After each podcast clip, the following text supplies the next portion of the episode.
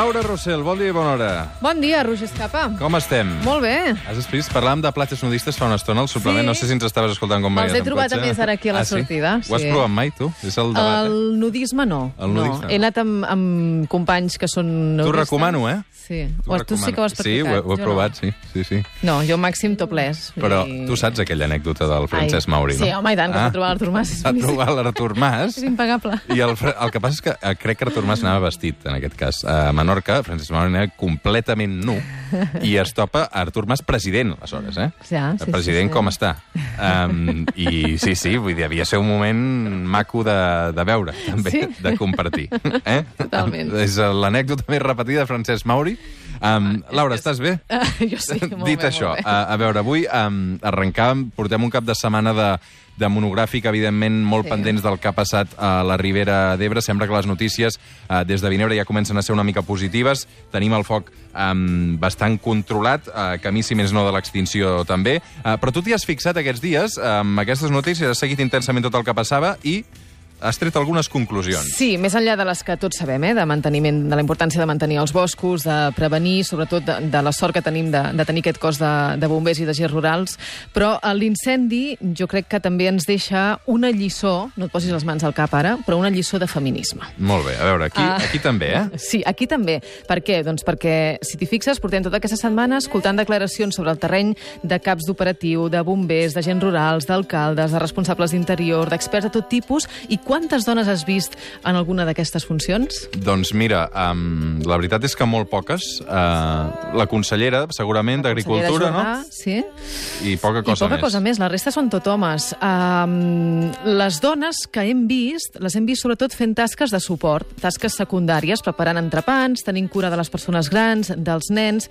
Per tant, uh, això ens porta a, a pensar en aquelles feines que han estat tradicionalment ocupades per homes i d'altres per dones, no? El fet de ser bomber o de ser llevadora, de ser futbolista o de ser infermera, de ser informàtic o de ser professora, són uns estereotips que més enllà que puguis dir, hòstia, és anecdòtic. No, no és anecdòtic perquè consolida el que podríem dir una segregació laboral per raó de gènere. La Comissió Europea, això, i molts altres organismes, eh, ho tenen estudiat, les dones concentren eh, les feines en determinats sectors, sobretot serveis socials, assistència sanitària, educació, i els homes tenen més tendència a concentrar-se en feines com enginyeries, eh, finances, obres públiques. No vol dir que hi hagi professions d'homes i professions de dones, sinó que hi ha professions masculinitzades o feminitzades. En el cas de, que ens ocupa de, dels bombers, eh, segons dades del de la Conselleria de l'Interior, hi ha uns 300 bombers en total, dels quals 20 són dones. D- 2.300, bo- 2.300.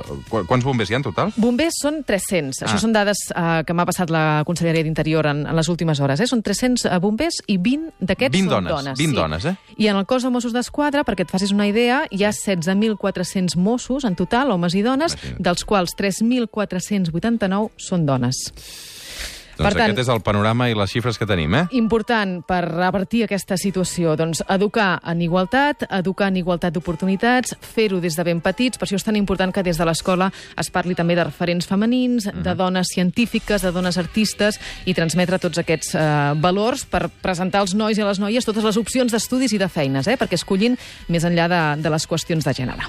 Doncs aquest és el panorama que tenim, també amb aquest incendi, i és que avui amb la Laura també hi ha volgut donar um, aquesta uni- una mirada una mica diferent a banda de la informativa, uh, i és que sí, segurament no t'hi fixes, però um, tota la gent que veiem fer compareixences, tots els bombers, tots els agents forestals eren homes, uh, i aquí hem intentat també posar uh, una mica xifres. Uh, hem arribat a la lletra M, Sí. M de l'abecedari, i avui què ens portes amb la M? Doncs mira, a l'EMA podríem parlar de tants conceptes relacionats amb el feminisme que abans de triar-ne un he fet una llista, però m'has d'ajudar. Doncs va, anem amb la llista. Per tant, amb la lletra M, conceptes relacionats amb el feminisme. Misogínia, Masclisme, micromasclisme, masculinitat, matriarcat, maternitat, misàndria, mainstreaming, mansplaining, mansplaining, eh? Malestream, Me Too, mística de la feminitat. machirulo. Machirulo és la que m'agrada perquè vull que me l'acabis de... N'hi ha un parell que no tinc ni idea de què són, perquè el mainstreaming i tot això.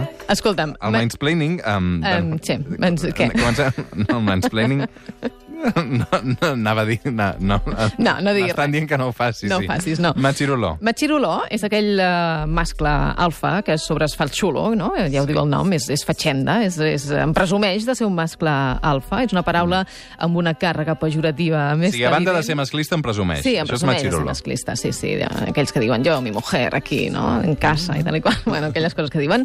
El diccionari no recull encara aquest concepte, però el carrer sí. Com que el carrer mana, doncs uh, machiruló és un concepte de la lletra M de l'abecedari. I amb quin de tots conceptes d'aquests que, a banda de machiruló, amb quin altre et quedes? Vinga, em quedo amb monogàmia. I follow you 'cause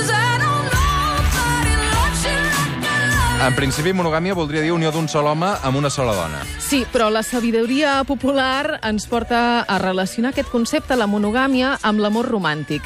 Hi ha una persona que en sap un munt de tot això, és la Brigitte Vassallo, que és l'autora de l'assaig Pensamiento monógamo, terror poliamoroso, que si no l'heu llegit us el recomano ja, i si no la seguiu a xarxes us recomano ja també que la seguiu. La Brigitte és escriptora, és activista, és un autèntic vendaval. Ella avui no ha pogut estar aquí, l'hem convidada, però és que està celebrant el dia de, de l'orgull. Bé, el dia o el cap de setmana de l'orgull, diguéssim, i per tant a la Marta la va poder entrevistar i tenim alguns talls que, que ens ajudaran a entendre què és la monogàmia. Segons la Brigitte, és un sistema que ens porta a situar la parella, la parella al centre de les nostres vides, al cim de la piràmide. Hi ha com un, com un mite així urbà que diu que la monogàmia és dolenta, però que no acaba d'entendre, no acaba de definir per què és dolenta. Sabem que la volem trencar, no?, perquè és com una cosa moderna dir que l'hem de trencar, però no acabem de veure què hem de trencar exactament o què no. És un sistema, des de l'art fins a les pel·lícules, fins a tots, en conjunt tot, que ens fa creure que és l'única manera de construir-nos sexe efectivament, doncs això ja és complicat perquè això ja va en contra de les possibilitats de llibertat que tenim, no?, d'escollir una cosa i l'altra. I el que a mi més em preocupa eh, d'aquesta manera, no?, d'aquest sistema, és justament aquesta jerarquia tan gran que hi ha i la manera en què la parella s'aïlla dels altres efectes, no? de les amistats, etc, no? que queden com eh, efectes menors, i com eh, gestionem i com considerem socialment els desefectes.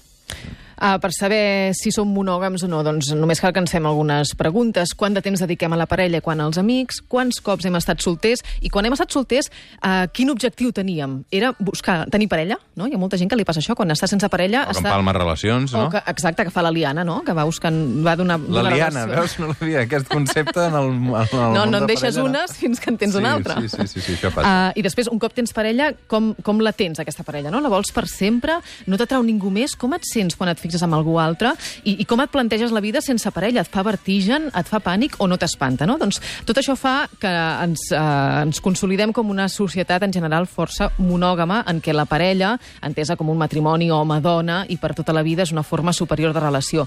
És allò de la mitja taronja, l'amor per sempre, el sense tu em moro, totes aquelles idees que tenim tan arrelades i que, segons la Brigitte, pertanyen al mite de l'amor romàntic. L'amor romàntic ens ha fet pensar i ens ha fet creure, no? i ha incorporat a dins nostre la idea de que sense parella només tens relacions eh, de pacotilla, només tens relacions petites, només tens amistat, quan en realitat què més pots necessitar a la vida? Si després a sobre doncs, t'enamores, doncs mira, és un bonus track, no? O sigui, ja t'ha tocat la loteria, però en realitat per la supervivència, sí què més necessitem? No? Que tenir amigues, que tenir una xarxa de gent que t'estima, sense necessitat de que sigui d'aquella manera jeràrquica.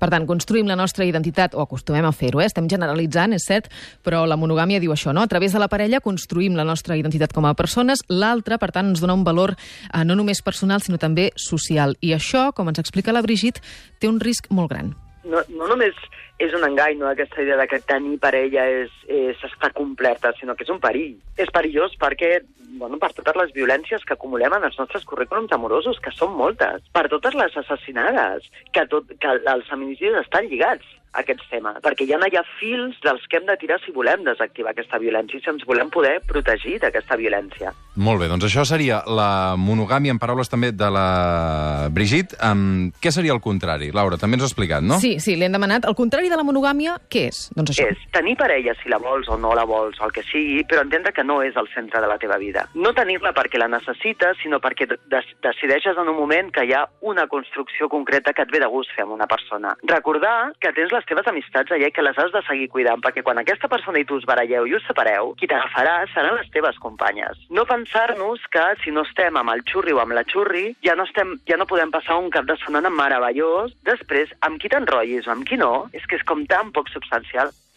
If I'm a good lover.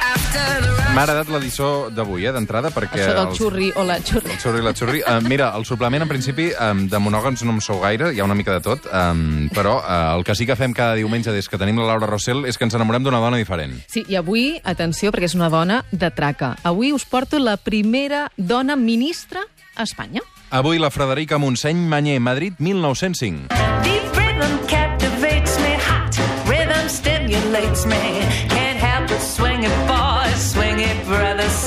Això de la primera dona ministra és l'eslògan amb què ha passat, eh, o passarà, en aquest cas, avui la reivindiquem, eh? Frederica Montseny Manyer, Madrid, Madrid, Madrid. Per què sí, Madrid? va néixer a Madrid, però s'hi va estar molt poc temps. Eh? La seva família va, ser, va voltar una mica, però al final es van eh, traslladar a Barcelona, filla de Juan Montseny i de Teresa Manyer. També podríem dir filla de Federico Urales i Soledad Gustavo, que són els pseudònims que feien servir. La mare era una mestra radical, lliure pensadora, de prestigi internacional gràcies a alguns articles sobre la condició de la dona, i el pare era també un artista radical. Tots dos van educar la filla en els valors del compromís polític, de la militància anarquista, i és que eren un matrimoni intel·lectual i anarquista, que són dos conceptes que no sempre anaven de la mà. Editors de la revista La Revista Blanca, des d'allà projectaven el pensament libertari espanyol, i la Frederica era filla única. Va créixer en aquest ambient polititzat, amb una forta consciència política i activista, ja des de ben petita corria darrere els pares en mítings i manifestacions, i amb 15 anys, en lloc d'estar pendent de, de qui s'enamorava i amb qui es casava i amb qui tenia fills, doncs va publicar un primer llibre, una novel·la curta que es deia Hores tràgiques. La Frederica tenia un sentit de la llibertat molt desenvolupat, a casa seva la van educar, com dèiem, en base a la llibertat en el sentit més ample de la paraula, no hi havia límit a la llibertat en la seva manera d'entendre la vida. Els seus pares la van ensenyar a triar, a ser lliure com a dona i com a persona, i això serà decisiu per entendre el caràcter i el pensament que té la Frederica. Poc després d'aquests eh, 15 anys va començar a col·laborar amb algunes revistes de l'òrbita anarquista i revolucionària. La primera novel·la llarga la publica amb tot just 20 anys, el 1925. Ella està molt capficada durant tota la seva trajectòria per la situació de la dona, eh, per l'emancipació de la dona. I algú que coneix molt bé la vida i l'ideari de la Frederica Montseny és la Susana Tavera, que és autora del llibre Federica Montseny, la indomable. Avui no podia venir tampoc, avui estem sols, Roger. Sembla que això de la calor afecta tothom. Però hem parlat amb ella, la Marta també ho ha fet, i entre d'altres ens ha explicat com la Frederica va treballar tota la vida per l'alliberament de la dona d'una manera pràctica, directa, sense fissures, però, atenció, des de posicionaments no feministes. Una cosa que així d'entrada sona força incongruent. sempre deia feminismo jamás. I ho deia perquè tenia el convenciment de que l'alliberament havia de ser per homes i dones junts. Que si no acometíem eh, aquesta transformació junts, eh, no s'arribaria a una sortida estable i sostinguda. Tota una altra cosa és que, evidentment, per més que digui això, a la pràctica era una dona que lluitava per a l'alliberament de les dones i ho feia realitat amb el seu exemple. La Frederica va ser parella de Germinal Esgleas. Van tenir tres fills de noms, eh, si més no, curiosos. Eh? La primera es deia Vida, el segon es deia Germinal com el pare i la tercera es deia Blanca. Vida germinal i blanca. Sí. La maternitat per ella no va suposar cap daltabaix en el terreny laboral. De fet, va seguir publicant, fent discursos i sent una activista incansable. Una de les novel·les més importants de la Montseny és La Indomable, del 1928, que en gran part és autobiogràfica. Tant la biografia que va escriure la Susana Tavere com eh, un documental que li van fer tot just eh, fa 3 anys a França insisteixen en aquest qualificatiu d'indomable. Però fins a quin punt ho era de veritat? Que els seus pares la van educar en anarquisme i ella no es va allunyar d'aquesta eh, definició. Però bé, eh, les seves novel·letes de joventut, que són auto, autobiogràfiques, són d'unes noies que no volen el paper de sometiment al sistema patriarcal que la societat espera d'elles. Ella el que, del que parla és de noies que tindran la capacitat d'escollir els seus companys, que tindran la capacitat de treballar per la transformació de la societat i, sobretot, que es dedicaran a educar en uns valors totalment diferents oposats a la societat capitalista. Entrem en el terreny ja polític, militant destacada de la CNT des del 31. Quan esclata la Guerra Civil, entra a formar part del Comitè Peninsular de la FAI. El juliol del 36, les tropes feixistes intenten entrar a Barcelona, fracassen en aquell primer intent, els republicans ho viuen eh, com una gran eufòria. Encara falten uns mesos perquè Barcelona també caigui en mans de Franco, però encara ells no ho saben i per tant van fent. Fins i tot el novembre d'aquell 36, el govern de Francisco Largo Caballero nomena Frederica Montseny ministra de Sanitat i d'Assistència Social. No va ser una decisió gens fàcil. D'una banda hi havia els escrúpols ideològics que ella mateixa tenia com a anarquista mm. i de l'altra la pressió dels sectors més puristes de la CNT que li recordaven que des dels seus posicionaments no podien acostar-se, no podien eh, integrar-se en cap estructura de govern. Va ser ministre, eh, eh, li va eh, significar molts, molts i molts i molts problemes. Eh, els primers que no ho veien eren els seus pares en estricta, eh, des d'una estricta ideologia anarquista, però per a la Federica, acceptar el càrrec de ministra de Sanitat i Assistència Social, que va ser la seva cartera, era l'oportunitat de que una dona participés en la direcció de la guerra. Va ser un fet històric, eh? tant pel nomenament de la primera dona en el càrrec de ministra com per la tasca que ella va fer en el càrrec. Alguns projectes que podem dir revolucionaris i no ens estarem passant de la ministra Montseny doncs, a projectes de llars d'infants, comitets d'investigació psiquiàtrica contra el càncer, una campanya de lluita contra les malalties venèries, però sobretot, sobretot, una llei d'interrupció de l'embaràs, per tant, molt avançada al seu temps i que ella mateixa eh, va redactar. El mandat va ser tan pioner com breu, perquè la primavera del 37 el govern de la República va passar a millor vida, la Frederica va deixar de ser ministra per convertir-se en exiliada i en perseguida. Va marxar cap a França, una primera parada a París, on va entrar a formar part del Servei d'Evacuació de Refugiats Espanyols.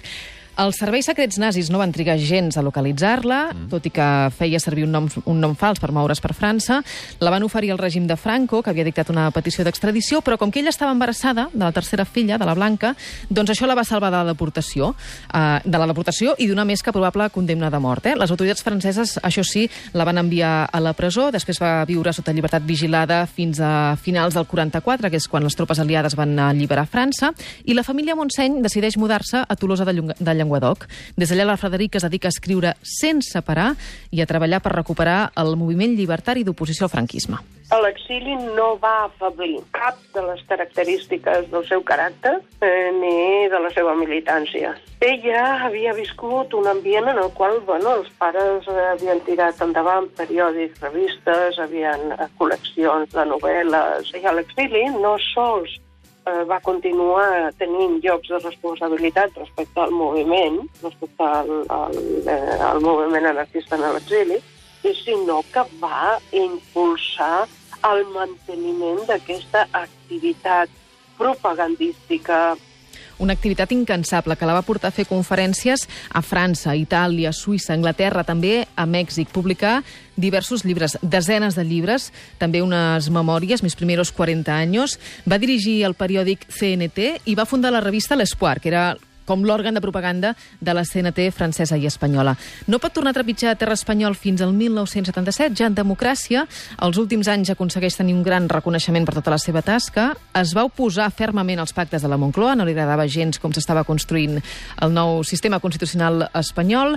I bé, doncs té un grapat de carrers, de places repartits per tota la geografia espanyola i, com us deia, el, el director francès Jean-Michel Rodrigo va dirigir un curt sobre la seva vida, produït per Marmita Films. El 2016 es va estrenar a França i es diu Frederica Montseny, l'indomable. Avui amb la M de Montseny Manyer, Federica Montseny Manyer, 1905, retratada també per, per la Laura Rossell. Dit això...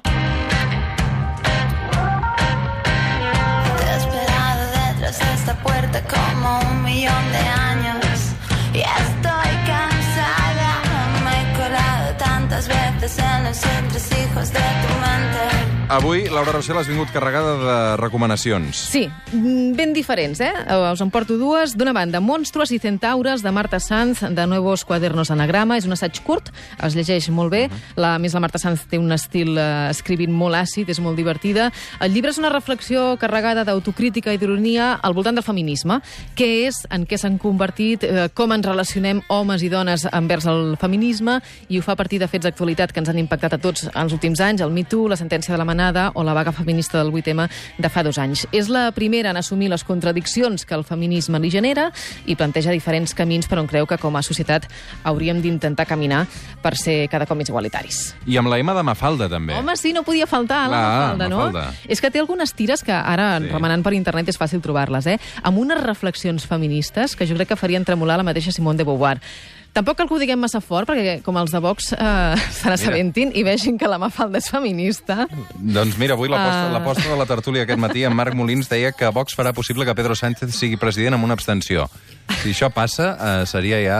Són capaços de tot, Són eh? capaços Són de tot. capaços de censurar Mafalda, d'enviar una citació judicial aquí, no? Vés a saber, vés a Imagina't. saber. Um, per cert, um, repassant les dades dels bombers d'homes Sí. i dones, ara m'hi fixava, eh? Mira, bombers de la Generalitat, eh, di divisió entre bombers de la Generalitat i bombers de l'Ajuntament de Barcelona. Bombers de la Generalitat, 200, eh, 2.315, d'aquests 2.273 són homes, només 42 dones de 2.315 bombers en total. I els bombers de l'Ajuntament de Barcelona, 607 en total, 20 dones. 607 en Aquestes total, són les 20 dades, dones. Les bones, eh? Uh, bombers de l'Ajuntament de Barcelona, 607 en total, 20 dones. Déu-n'hi-do com tenim el panorama. Molta feina per fer. Gràcies, Laura. A tu, Roger. Fem una pausa i arriben dos bombers que aquests dies no s'han dedicat a apagar incendis, sinó a provocar-los. Roger Mas i David Caravent. Fins ara. Els dissabtes i diumenges, escoltes el suplement de Catalunya Ràdio amb Roger Escapa.